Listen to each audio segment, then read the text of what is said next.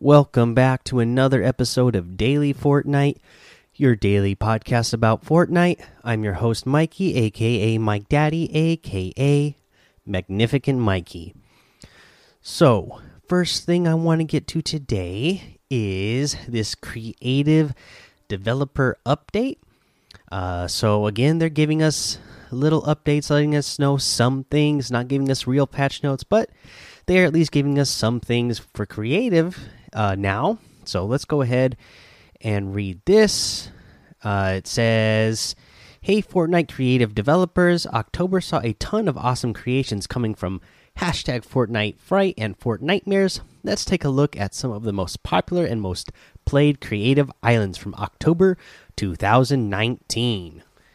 And the top 10 most played games by genre were Zone Wars, uh, the Coliseum, was the most played Zone Wars. They had 2v2 small arena gunfight. Uh, this was the gun fright.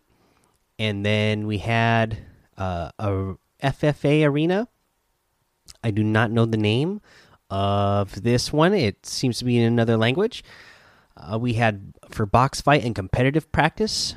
Uh, it was 2v2, 3v3, 4v4 box fight by Fiber.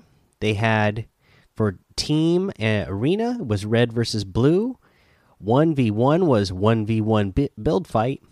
PvE zombie horde was the retribution.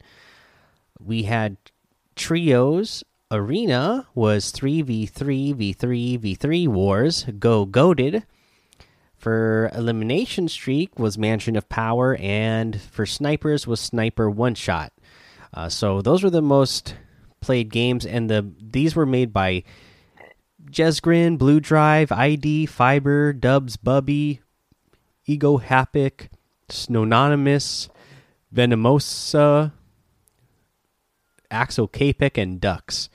And then let's see here for the information above is sorted by most plays between October 1st and October 31st. These are the top islands for each game. Type ranked from top to bottom. Some of these games have been featured, others have reached the top with no featuring. Uh, so now I think this is really cool that uh, they are, you know, just giving these users shout outs by putting them in this blog post. Uh, the island codes are also here, so I'm not going to read out the island codes because, you know, it's just a series of numbers and it would be a lot of them to read out 10 of them. So just go ahead and go look that this blog up. Again, it's at epicgames.com slash Fortnite slash news. Uh, your for your top five most played featured islands was Retribution, Mansion of Power, Bloody Minds, Murder Mystery. This was I'm the made by I'm the Gaps. Uh, we had Find the Pumpkin was made by Hell, and Fortnite Football made by Chase Jackman. What games are you playing that you haven't seen that you don't see here? What surprised you the most? Let us know in our Discord, Reddit, or tag us at at FN Create. Uh, so yeah, that's really cool. I just again, I think it's really cool that they are continuing this in since this beginning of chapter two to really uh, highlight the uh, the creative community in Fortnite because again, I think creative is going to be something that keeps Fortnite around for years to come.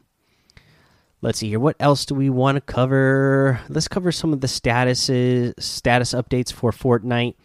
They said the issue has been mitigated. We're still working towards improvements with Fiends in creative and will continue to monitor their performance in featured islands. So hopefully, you know, it sounds like I guess it's gotten better, but not completely fixed yet.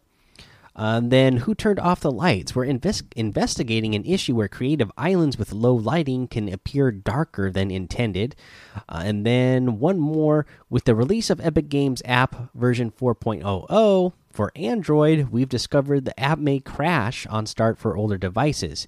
If you encounter this issue, please uninstall and grab the latest version from our Fortnite site or Galaxy app. So, if you're an Android phone user and you've been having problems, uh, go ahead uninstall your uh, Epic Games app and then reinstall it, and that will hopefully fix it for you. All right, uh, let's get to some challenges now. Uh, we got new challenges today, so we'll just go over the list of challenges to do this week, and then we will cover how to do some of these throughout the rest of the week. You need to search chests at EGO Outpost 7 in total. You need to deal damage to opponents while riding a motorboat, 500 in total. Visit different EGO outposts, five of them. Assault rifle eliminations, you need three. Revive a teammate in different matches, you need three. Search ammo boxes in different named locations, seven of those. Uh, you need to heal teammate with a bandage bazooka, 200 uh, heal in total. You need to reboot a teammate one time. You need to assist teammates with eliminations, seven of those. Eliminations at Craggy Cliffs or Salty Springs, you need three, and you need to search for the hidden N found in the low down loading screen. Uh, let's see here. Uh, I I know Brian RTFM in the uh, Discord was saying that you know the the the the challenges where you need to rely on a teammate to get them done can be a little bit more stressful but hopefully being part of that daily fortnite discord and finding people to get some of these challenges done with will uh, mitigate some of that stress. Let's go ahead take a little break. Now we'll come back we'll go over the item shop and a tip of the day as well Hey, it's Kaley Cuoco for Priceline. Ready to go to your happy place for a happy price? Well, why didn't you say so? Just download the Priceline app right now and save up to 60% on hotels. So, whether it's Cousin Kevin's Kazoo concert in Kansas City, go Kevin, or Becky's Bachelorette Bash in Bermuda, you never have to miss a trip ever again. So, download the Priceline app today. Your savings are waiting. Go to your happy place for a happy price.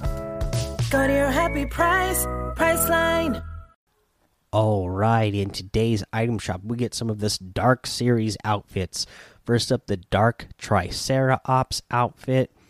I really love the way these outfits look when they made them the, you know, dark versions.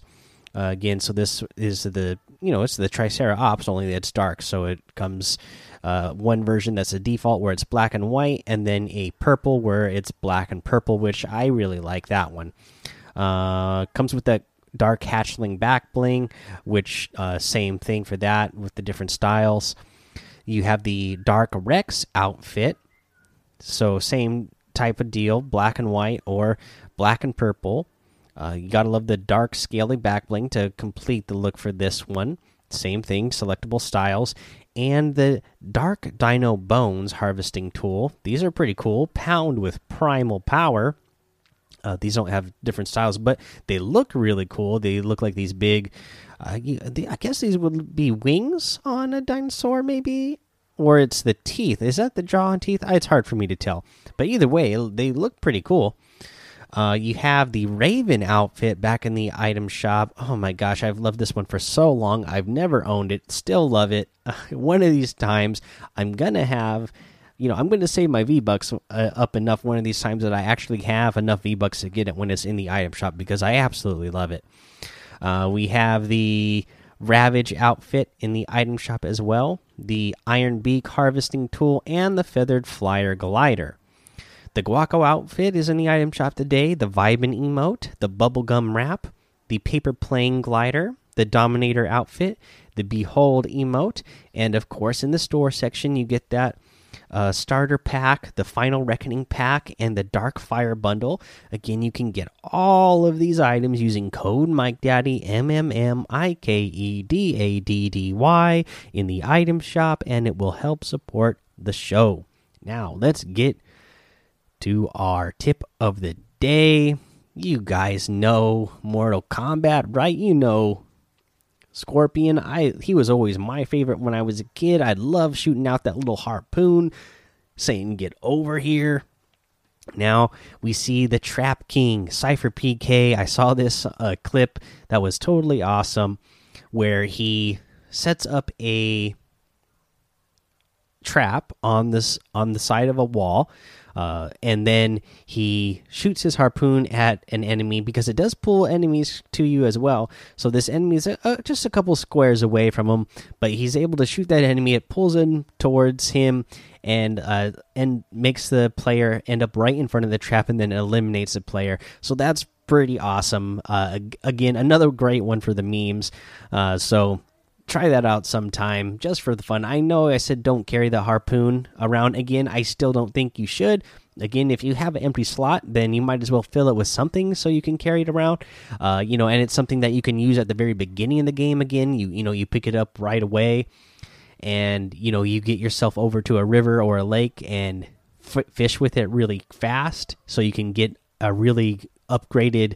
Uh, uh, loadout right away uh, by getting you know some of those rare items uh, by fishing them fast with that. But other than that, you're not really going to use it. But if you just happen to have one because you have an empty slot, then and you happen to have a trap, then go ahead and try that out. Just because I think it'll be really fun and funny, especially if you're playing in lobbies where you have a lot of bots. Um, then you know it'd be it'd be something funny to do to to a bot for sure. All right, guys, that is the end of the episode. So head over to the daily Fortnite Discord and hang out with us. Follow me over on Twitch and YouTube, Mike Daddy in both of those places.